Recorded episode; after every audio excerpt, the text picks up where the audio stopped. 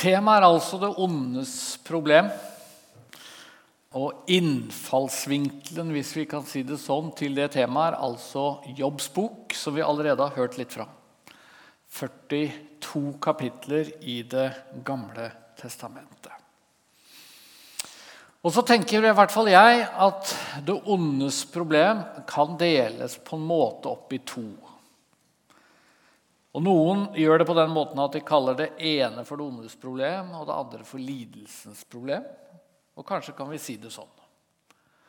Men det ondes problem er jo et stort og ganske sånn filosofisk problem. Og det har jeg vært litt opptatt av eh, da jeg studerte. Jeg tok mastergrad i filosofi for et par år siden og skrev egentlig om det ondes problem og da kan vel kanskje spørsmålet stilles sånn Hvordan, eller hvorfor er verden som den er? Når den er skapt av en god Gud. Og hvorfor opplever vi altså såpass mye ondskap, lidelse, når Gud er god? Og det skal jeg prøve å si litt om. Men det ondes problem er, kan også gjøres til lidelsens problem. Det kan bli et spørsmål som ikke handler om det store filosofiske, men som handler om ditt liv. Og ofte ditt bønneliv. Og jeg nevnte det i stad. Min far døde da jeg var fem og et halvt år. Og jeg husker nesten ingenting fra det. Men jeg husker at vi ba for far hver kveld om at han skulle bli frisk. Hvorfor skjedde det ikke?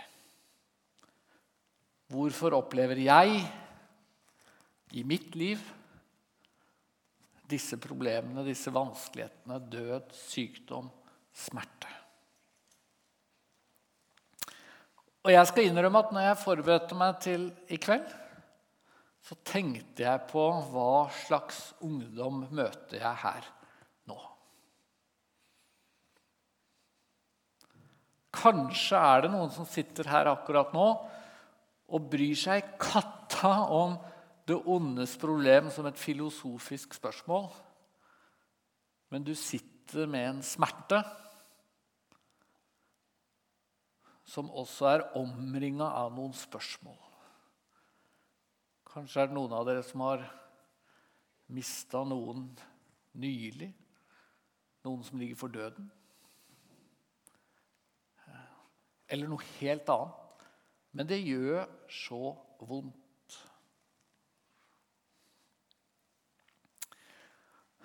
Og da kommer også spørsmålet som henger litt i sammen med dette 'hvorfor meg?'-spørsmålet. Hvorfor griper ikke Gud inn? For én ting er at det skjer vonde, fæle ting. Men så folder vi hendene våre og ber til en allmektig Gud og en god Gud. Og så hører vi kanskje, og vi leser i Bibelen, at han kan jo gjøre mirakler, han kan jo gjøre under. Hvorfor gjør han det ikke nå? Hvorfor får ikke jeg svar? Jeg har av og til tenkt på forholdet mellom det store filosofiske spørsmålet og det mer personlige lidelsens problem ved å tenke over to bøker som C.S. Lewis skrev. Jeg regner med at mange av dere er kjent med C.S. Lewis. Han var eh, litteraturprofessor. Han var barnebokforfatter. Skrev Narnia-bøkene. Og han var kanskje først og fremst en kristen tenker og en som var opptatt av å forsvare troen. Og han ble ganske radikalt en kristen da han var passert 30 år. Hadde vært ateist gjennom ungdomstida og tidlig voksentid. Og så ble han en kristen. Og en av de første bøkene han skrev, het følgende The problem of pain. The problem of pain. Smertens problem. Og der prøvde C.S. Lewis å løse det ondes problem filosofisk. Han var altså en ganske ung, nyfrelst mann. Så går det rundt 30 år. Så dør kona hans av kreft. En forferdelig periode. Selv sliter han også med helseproblemer og vanskeligheter. Og så begynner han å skrive en ny bok. Og den heter A Grief Observer. Og det betyr vel noe sånt som sorgens observatør. Og det er en helt annen bok. Og Når du leser den boka, og i hvert fall hvis du har lest den første, så tenker du han fikk jammen ikke mye hjelp av den første boka han skrev, hvor han løste hele problemet. Og det hadde jeg lyst til å begynne med å si. Hvis du er litt sånn filosofisk skrudd sammen, hvis du er på jakt etter et godt svar på det ondes problem, så vær klar over at det er ikke sikkert det hjelper så veldig hvis du har det vondt. Hvis smertene, lidelsene, kommer. Og Kanskje kan det til og med være sånn en gang iblant at det å komme med teoretiske svar Jo, nå skal du høre her. Det er derfor Gud tillater at sånn eller sånn eller sånn skjer. Kanskje kan det skade mer enn det gagner. Og akkurat det er faktisk et budskap i Jobbs bok. At man skal være forsiktig med å klekke ut teoretiske svar på det ondes problem. Vi har allerede fått det sagt. Jobbs bok starter med at Jobb gjennomgår forferdelige lidelser. Han mister rikdommen sin. Barna dør. Og etter hvert blir han også syk.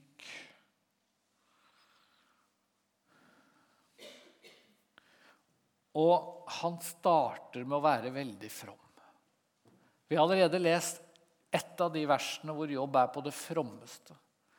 Herren gir, Herren tar, Herrens navn være lovet. Og Nå skal vi lese en annen tekst om akkurat det. Jobb 2, fra vers 7 til 10.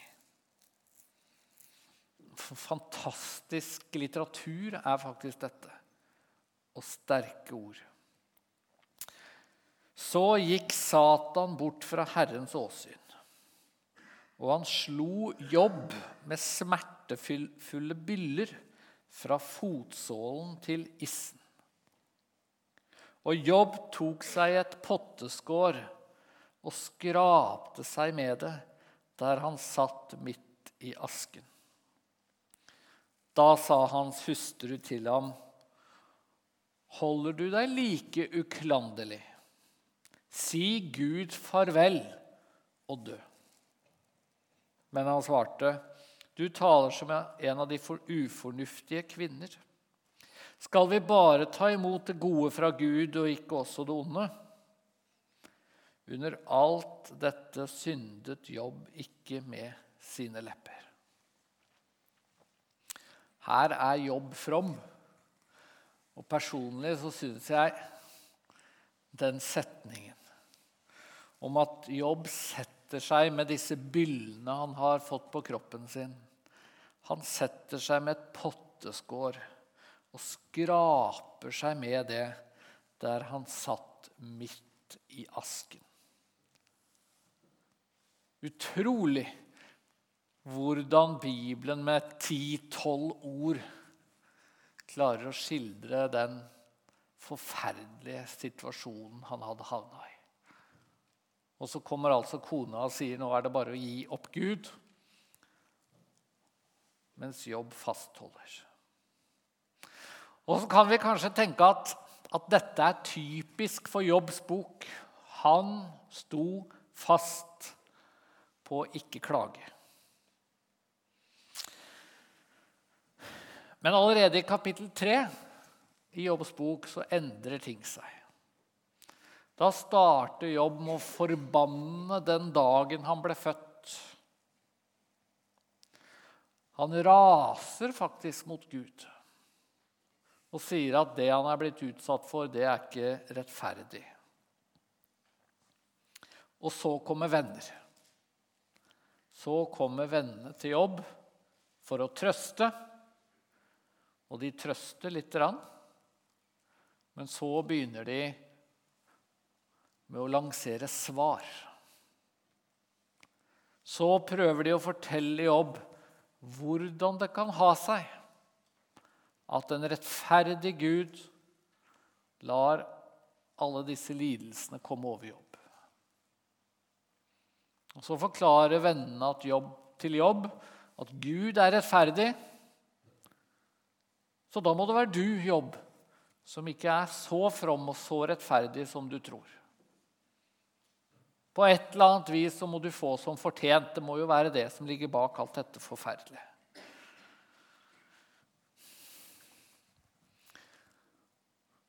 Jeg skal lese hvordan Jobb reagerer på den type trøst. Den type løsning på det ondes problem. Jobb 19 leser vi fra nå, vers 1-6. Og Jobb svarte og sa, og dette er altså til vennene Hvor lenge vil dere plage min sjel og knuse meg med ord? Det er nå tiende gang dere håner meg og ikke skammer dere ved å krenke meg. Har jeg virkelig fart vill, da blir min villfarelse min egen sak. Vil dere virkelig opphøye dere over meg og vise meg at min vanære har rammet meg? Med rette. Da skal dere vite at Gud har gjort meg urett. Han har satt sitt garn omkring meg. Og Jeg hadde lyst til å ta fram akkurat disse ordene for å få fram hvor forferdelig vondt det kan gjøre å bli utsatt for dårlig trøst. Hvis man kan kalle det trøst i det hele tatt. Det å gå til et menneske og si at 'nå skal du høre, her er løsningen på hvorfor akkurat du' har opplevd sånn eller sånn. Det er helt tydelig at Jobbs bok vil fortelle oss at det skal vi ikke gjøre. Er det noen som kommer dårlig ut i Jobbs bok, så er det vennene til Jobb. Og Jobbs bok avsluttes med en slags oppsummering. Gud taler først i fire kapitler, fra, 13, fra kapittel 38. Så taler Gud til jobb. Og så helt på slutten så oppsummerer Gud situasjonen. Og så sier han om disse vennene til jobb De har ikke talt rett om meg, sier Gud.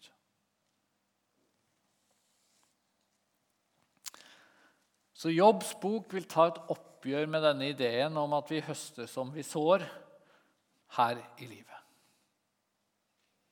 Det er ikke alltid vi høster som vi sår. Ikke alltid.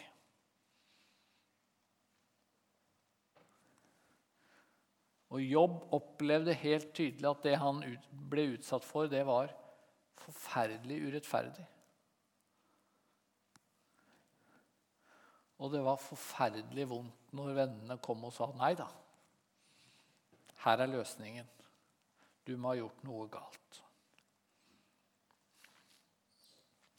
Så på en måte så løser ikke Jobbs bok det filosofiske problemet knytta til det ondes problem. Og Like fullt så har jeg tenkt å si litt nå om det ondes problem, litt mer sånn filosofisk. For jeg tror at det fins antydninger til svar i Bibelen. Har også noen antydninger til svar i Jobbs bok. Og ikke minst er det viktig når vi snakker om det ondes problem, å avvise de gale løsningene. Som den løsningen at man bare får som fortjent hvis man opplever lidelse. Og En annen løsning som Jobbs bok tar et oppgjør med, som er feil, det er at det egentlig ikke er noe som er ondt. Og tror jeg ikke det er en veldig vanlig løsning i vår tid å gå rundt og tenke at ondskap og godhet det er egentlig bare en illusjon. Det fins egentlig ikke lidelse. Men du kan finne den type tenkning i mer sånn nyreligiøse miljøer. Ondskap er egentlig bare en illusjon. Men Jobbs bok bagatelliserer ikke smerte, ikke lidelse. Jobb har det vondt, han har det forferdelig. Og Gud kan ikke bare fratas ansvaret for det ved at vi sier at nei, det er en illusjon. Og Samtidig så er det jo slik at, at det er ikke alt som gjør vondt, som er ondt. Og her har vi faktisk en aldri så liten fordel, vi som snakker norsk. For vi har disse uttrykkene 'vondt' og ondt som er veldig like hverandre, men som likevel er veldig forskjellige. Det å få en vaksine, det kan gjøre litt vondt. Men det er ikke ondt. Tvert imot så kan det være noe veldig godt ved det. Jeg har vært misjonær i Peru. Jeg dro dit med tre små barn. De ble stappa fulle av vaksiner før vi dro.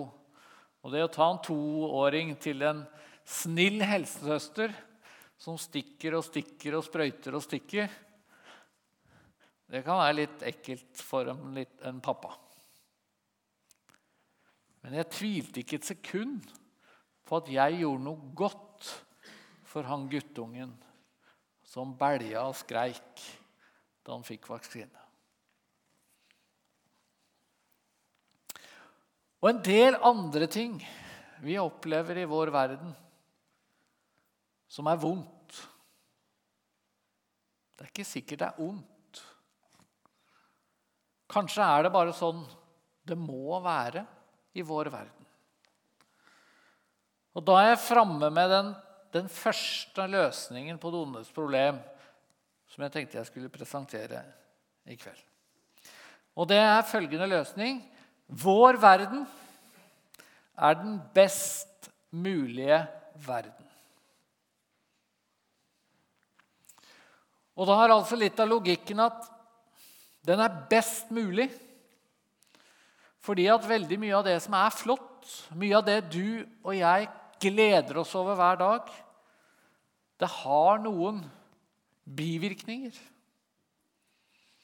som det egentlig ikke går an å ta bort hvis ikke verden skal bli helt annerledes.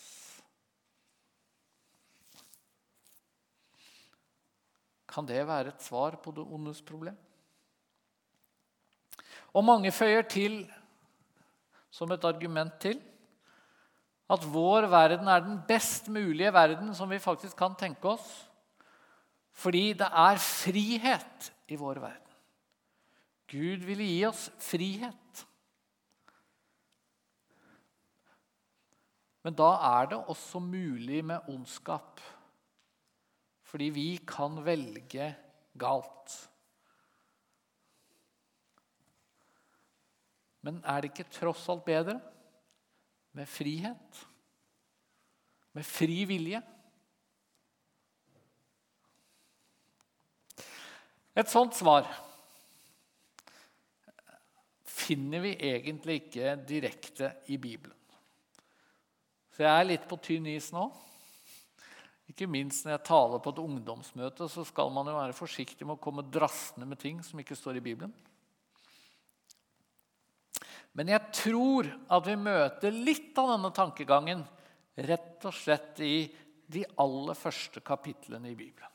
Når Gud skaper verden, når Gud skaper Edens hage, og han setter et tre i Edens hage og sier, 'Ikke ta av det, ikke spis av det'. Da er det helt tydelig at når Gud skaper oss mennesker, så gir han oss en frihet. En ansvarlighet. En mulighet til å snu ryggen til Gud og hans bud. Gud ga de første menneskene en mulighet til å handle galt. Og sånn gjorde vel Gud det fordi han ville ha en verden hvor det var fri vilje, ansvarlighet, frihet. Men så er det kanskje noen som sier at vi betaler en fryktelig høy pris for å leve i en verden hvor det fins frihet og fri vilje. Gud burde finne en annen løsning. Men hvordan ville verden vært hvis det ikke var fri vilje? Noen har tenkt som så at Gud kunne jo lagd en verden som var sånn at vi kunne velge, men vi kunne bare velge gode ting. Så etter møtet så kan du gå bort til henne og si at uh, du, kan, du kan velge om du vil si du var fin på håret, eller du har en fin genser. Men du kan ikke si uh, 'så bitchy du ser ut i dag'. Det får du ikke lov å si. Kunne Gud skapt en sånn verden? Hvor vi bare kan velge gode ting. Men vi kan velge mellom ulike gode ting. Da. Du kan velge pizza eller hamburger etterpå. Og jeg må bare innrømme at da går litt, huet mitt litt sånn i spinn når jeg skal prøve å forestille meg hvordan en sånn verden hadde sett ut. Og jeg tror ikke det egentlig er mulig. Jeg tror faktisk det er noe sant i denne tanken om at Gud valgte å skape en verden hvor det er frihet, og da må det også være en frihet til å gjøre det gale. Men dette kan selvfølgelig ikke være hele svaret på det ondes problem. Og man skal være forsiktig med å bruke et sånt svar i møte med et enkeltmenneske som har det vondt. Hvis du møter noen som ligger for døden med en grusom kreftsykdom, så fraråder jeg deg på det sterkeste å si men nå må du huske på at vår verden er den best mulige verden. Filosofisk vurdert, altså.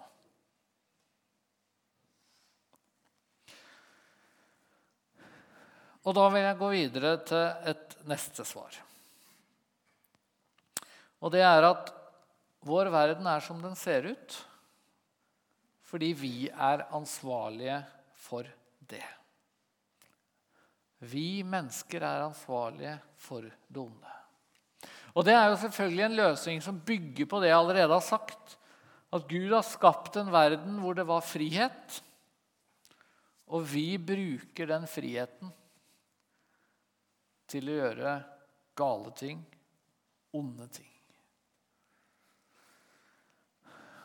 Og jeg tenker det er utrolig viktig å understreke dette i vår tid. Det er utrolig mange som er opptatt av at det ondes problem er det beste argumentet for ateisme. Det beste argumentet for å feie Gud av banen, det er at det skjer så mye vondt i verden. Jeg tenker vi er altfor mange som skylder altfor raskt på Gud. For det verste som skjer av forferdelige ting Holocaust,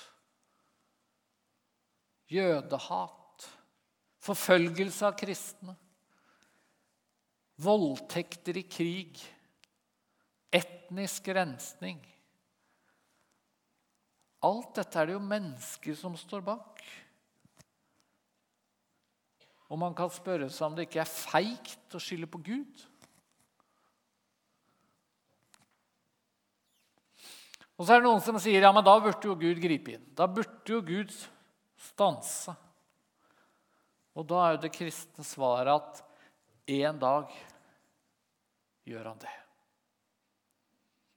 En dag forsvinner ondskapen.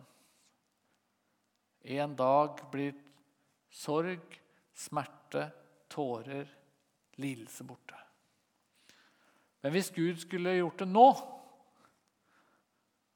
ja, da ville hele verden blitt avviklet. Da måtte Gud også fjerne deg fra jordens overflate. Ikke fordi du gjør sånne store, forferdelige ting nødvendigvis.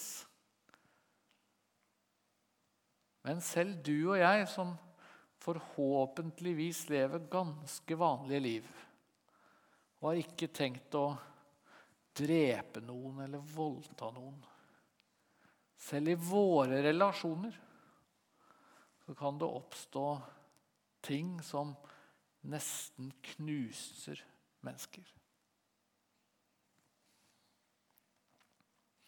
En dag gjør Gud alt nytt. Men nå er det nådetid. Nå går det an å få tilgivelse. Bli vasket ren. Starte på nytt. Men Gud tar altså ikke det onde bokstavelig fysisk bort enda.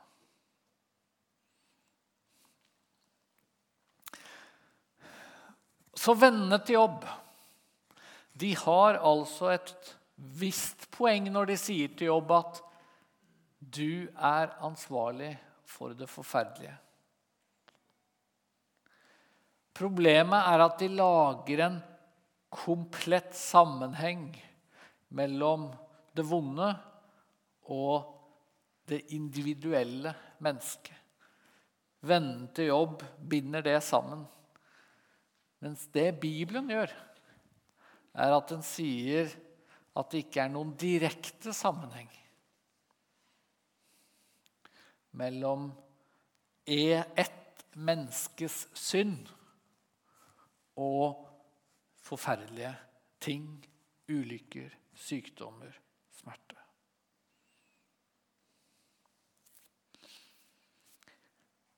Ulykker, smerte, sykdommer er ingen direkte straff fra Gud.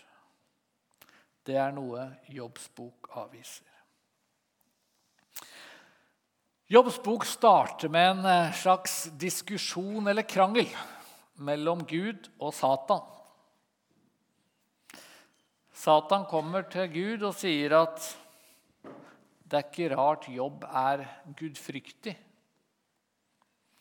Det skyldes at han har det så bra i jobb. Og så sier Gud at nei, Jobbs gudfryktighet stikker dypere. Og så får, lov, nei, får Satan lov å teste Jobbs tro. Og da kommer jo det store hvorfor-spørsmålet. Hvorfor får Satan lov av Gud å plage jobb? Og det får vi altså ikke et svar på. Det står ikke noe sted i Jobbs bok om hvorfor akkurat jobb blir utsatt for dette. Men det blir sagt veldig tydelig at det var ikke fordi jobb fortjente mer ulykker, mer sykdom enn andre. Det står at han var en uklanderlig og rettskaffen mann som fryktet Gud og holdt seg fra onde.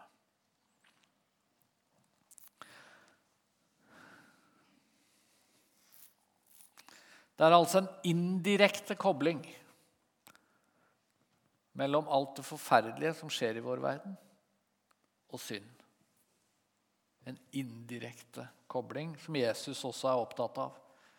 Jesus får jo spørsmålet hva, var de som døde i en ulykke. Tårn raste ned og drepte mange mennesker. Var de særlig syndige, de som tårnet falt ned på? Jesus sier nei. Så på et vis så tenker jeg at å kombinere at Gud har skapt en verden med fri vilje, med det at vi mennesker ofte velger galt, og at vi lever i syndens verden, hvor forgjengelighet har sluppet til Det gir faktisk et visst svar på det ondes problem. Men det kan fort bare bli et teoretisk problem som ikke svarer på 'hvorfor akkurat meg'? Og nå hadde jeg lyst til å si litt mer om akkurat det. Hvorfor akkurat meg? Hva, hva bør vi tenke? Når akkurat jeg rammes. Og til en viss grad så har jeg valgt, i hvert fall for min egen del, for å være litt personlig, å bygge videre på litt av det jeg har sagt allerede. At jeg tenker at det at Gud har skapt en fri verden, det betyr også at vi lever i tilfeldighetenes verden til en viss grad. Som jeg nevnte, min far døde da jeg var fem år av kreft. Da jeg var to år, døde en søster som jeg hadde av kreft. For noen år siden, og det vet sikkert noen av dere, så fikk en av mine sønner Han var 19 år den gang. Han fikk leukemi, blodkreft. Det ser ut til å gå veldig bra. Men han har hatt en kjempetøff cellegiftbehandling. Og jeg har også snakka en del med han. Hva skal vi tenke? Hvorfor rammer dette oss? Hvorfor rammer dette deg? Og For meg er altså et av svarene rett og slett blitt Jeg lever i en fri verden der tilfeldigheter rammer. Og det handler om at vi kristne vi er ikke spesialbeskyttet mot syndens konsekvenser. Det er ikke sånn at hvis jeg blir forkjølet så roper jeg mot Gud og sier, 'Hvorfor meg, Gud?' Tenker faktisk det at de fleste av oss blir forkjøla når vi lever i bakterienes og, virusenes verden. Og litt sånn er det faktisk med kreft òg, selv om det er forferdelig mye mer alvorlig. Av og til så rammer den type sykdommer ganske tilfeldig, ganske blindt. Fordi vi lever i syndens verden og på et vis i tilfeldighetenes verden. Og egentlig hadde ikke Gud vært god hvis det var sånn at du som satt her og trodde på Jesus, kunne lene deg tilbake og vite at 'jeg kan faktisk ikke få kreft, for jeg tror på Jesus'.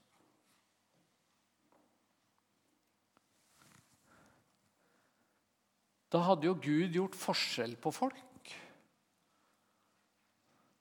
Da hadde jo kristendom vært på en måte garantien mot sykdom, mot smerte, mot lidelse.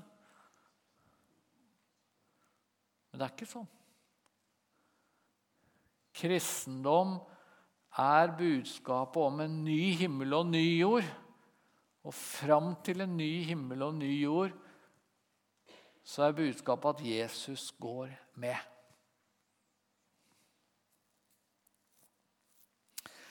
Men så er jo utfordringen, og de skarpeste hodene av dere har allerede tenkt på den, tenker jeg. Er det sånn at jeg da tar ansvaret fra Gud? Kan virkelig ikke Gud hindre at min sønn får kreft? Jo, han kan jo det. Og Jobbs bok er jo veldig tydelig på at Gud har ansvaret. Satan går til, til Gud og spør. om han kan få lov å prøve jobb. Så på et eller annet vis så tror jeg på to ting som ikke kan settes på en slags formel. Men det ene jeg tror, er altså at Gud har skapt en verden hvor vi alle kan rammes. Og det er ikke bare fordi Gud har skapt en sånn verden, det er fordi vi har invitert synd og lidelse inn i den verden. Men det andre er at jeg tror at Gud har kontroll over stort og smått. Og han kan gripe inn. Og jeg tror jo egentlig han har gjort det når min sønn lever i beste velgående i dag. Men jeg har ikke noe svar på hvorfor Gud tillot at min far døde. Og det er der noen kommer da med en sånn siste løsning for, for oss som er kristne. Og det er at det vonde, ubehaget, smerten, lidelsen, det skyldes, skal, det skyldes at Gud vil at vi skal vokse som mennesker og vokse som kristne.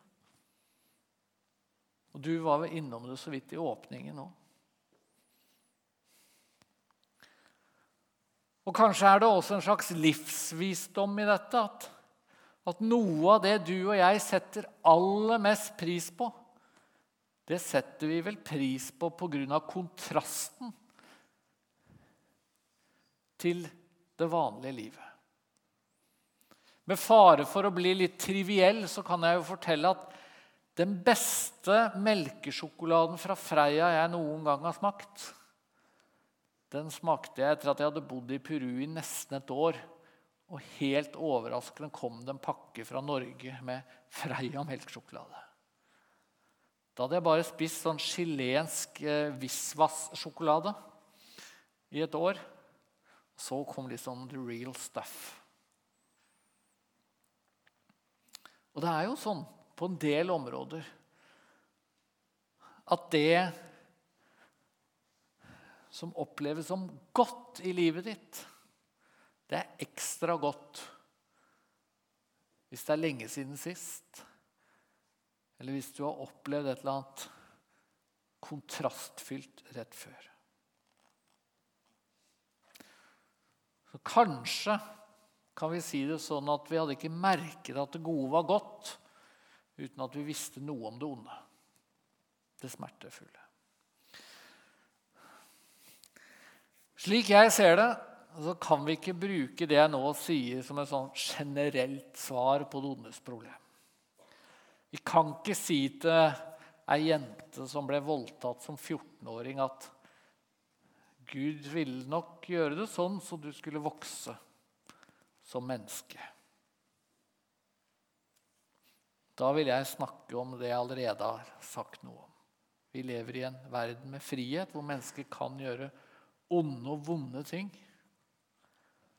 Og sånn er det til Jesus kommer igjen. Men jeg tror at Gud i noen situasjoner og i en del sammenhenger kan vende det onde til det gode. At Gud kan bruke det vonde og vanskelige vi opplever, for å si oss noe, lære oss noe. Og C.S. Lewis skriver i en av disse bøkene om det ondes problem, som jeg allerede har nevnt, så sier han denne setningen, som jeg syns er veldig tankevekkende. God whispers to us in our pleasures, speaks in our conscience, but shouts in our pains. Gud roper i smertene våre. Når vi har det bra, så hører vi kanskje bare at han hvisker litt. Og så lever vi vårt liv uten å involvere han, kanskje. Når smertene kommer, så roper han til oss på en annen måte.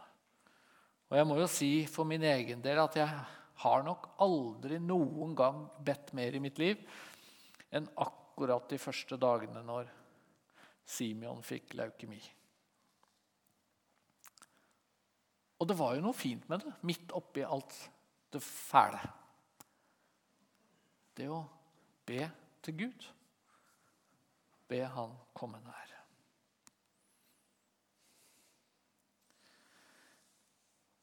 Og innimellom så sier Bibelen også noe om akkurat dette. Om at det vonde som skjer, det kan gjøre noe godt for troen vår. Jeg skal bare lese kjapt et av de virkelige krevende versene om akkurat dette. Tankevekkende fra Romerbrevet 5 og vers 3 til 5.